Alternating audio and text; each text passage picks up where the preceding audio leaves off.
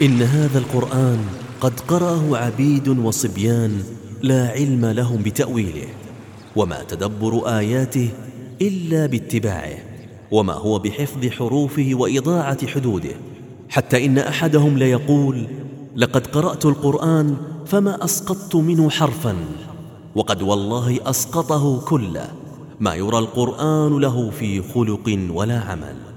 الحسن البصري رحمه الله. فهم القرآن.